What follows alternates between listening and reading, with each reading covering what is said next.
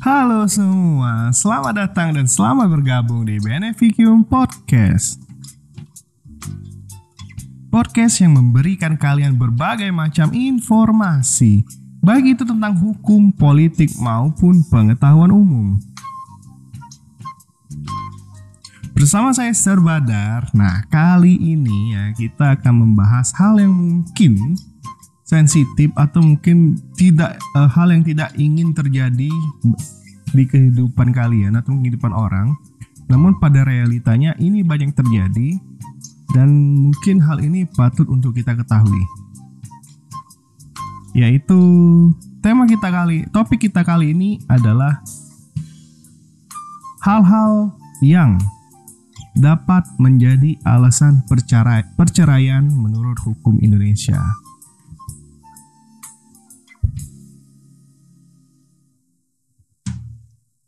Oke, jadi troopers gini.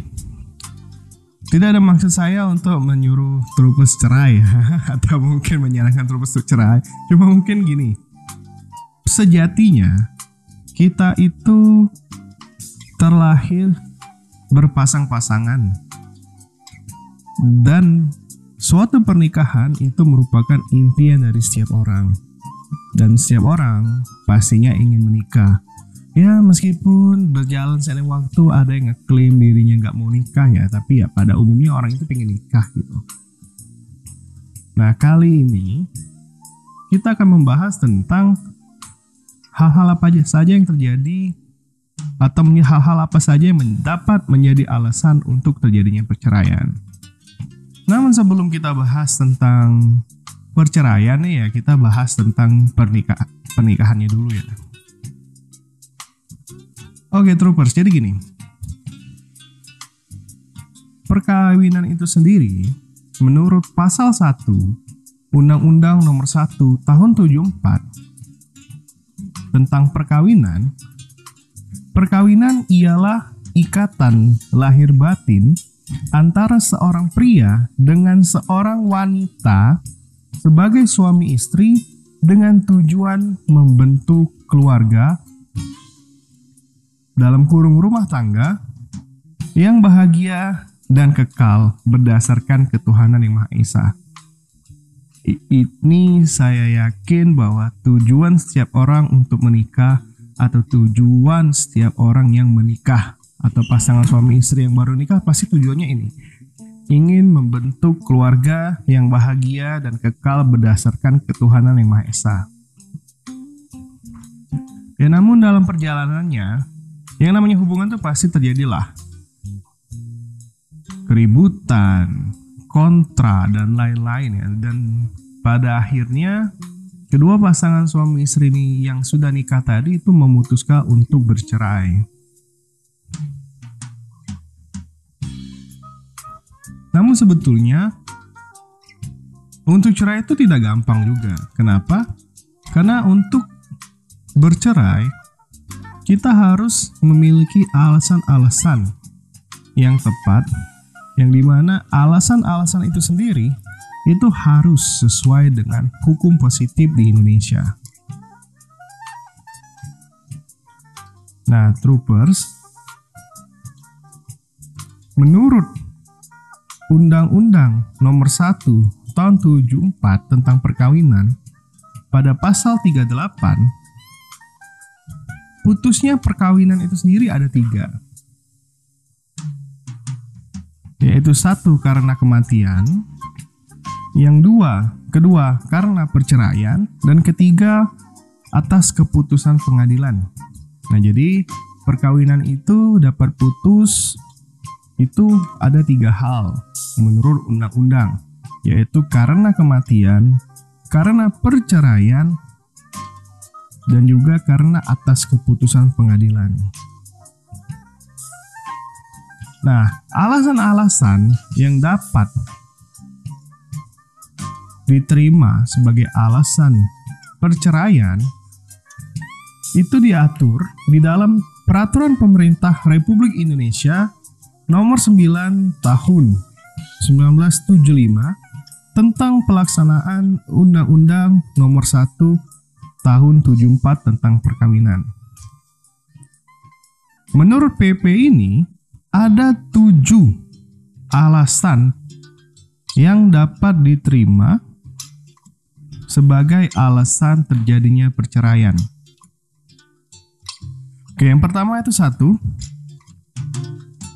Alasan pertama adalah salah satu pihak itu berbuat zina atau menjadi pemabuk, pemadat, penjudi, dan lain sebagainya yang sukar disembuhkan.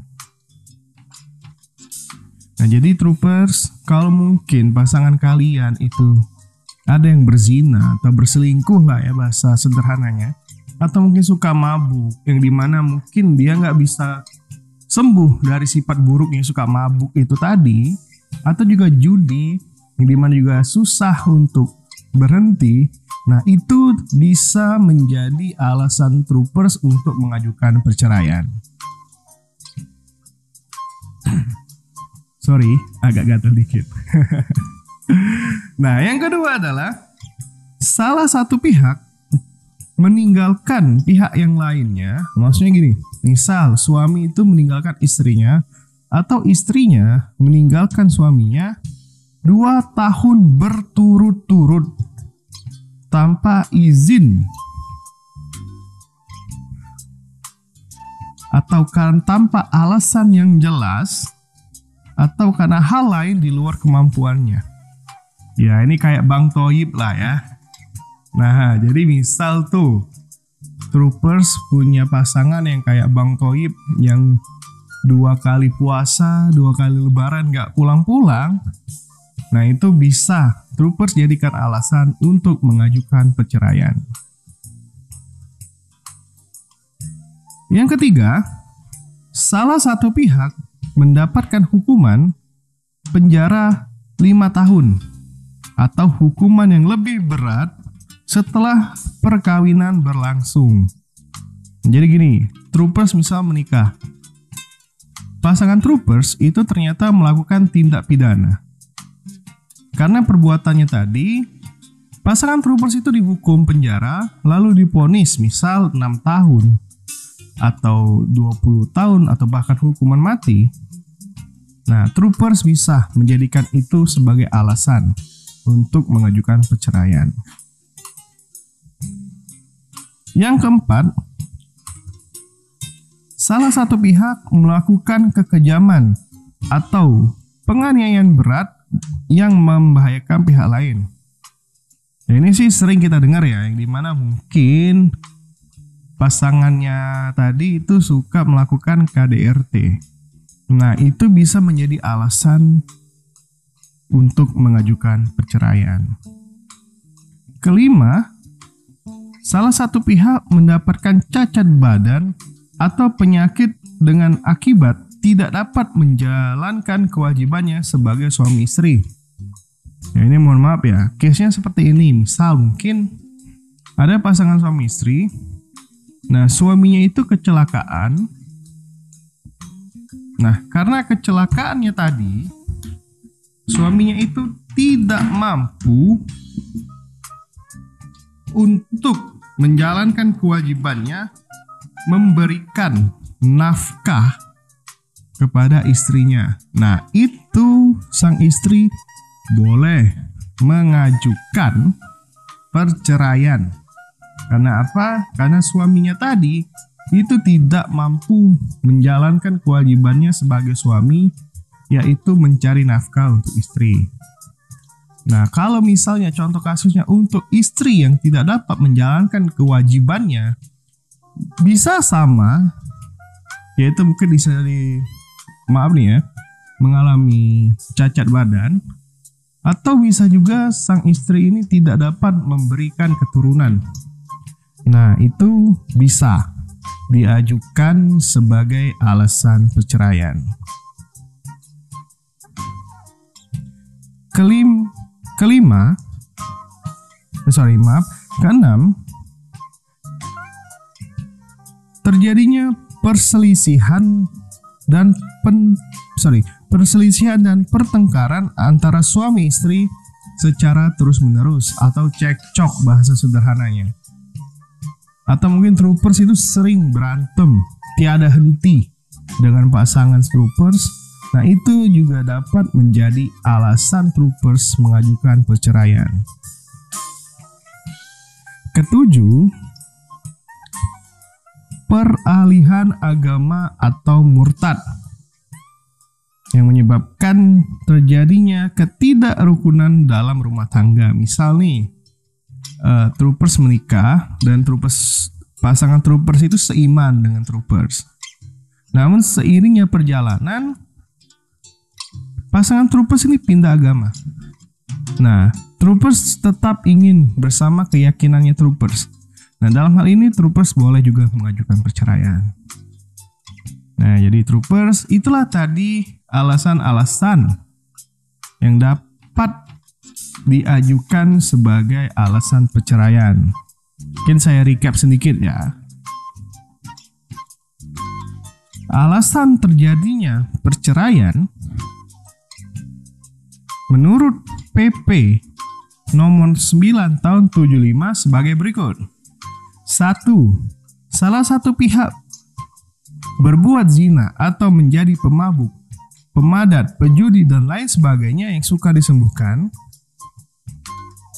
Dua, salah satu pihak meninggalkan pihak lain selama dua tahun berturut-turut tanpa izin dari pihak lain dan tanpa alasan yang sah atau karena hal lain yang di luar kemampuannya.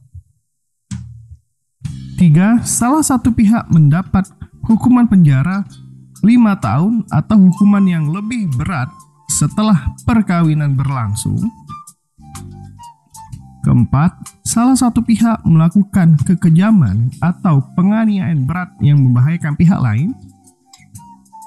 Lima, salah satu pihak mendapat cacat badan atau penyakit dengan akibat tidak dapat menjalankan kewajibannya sebagai suami atau istri.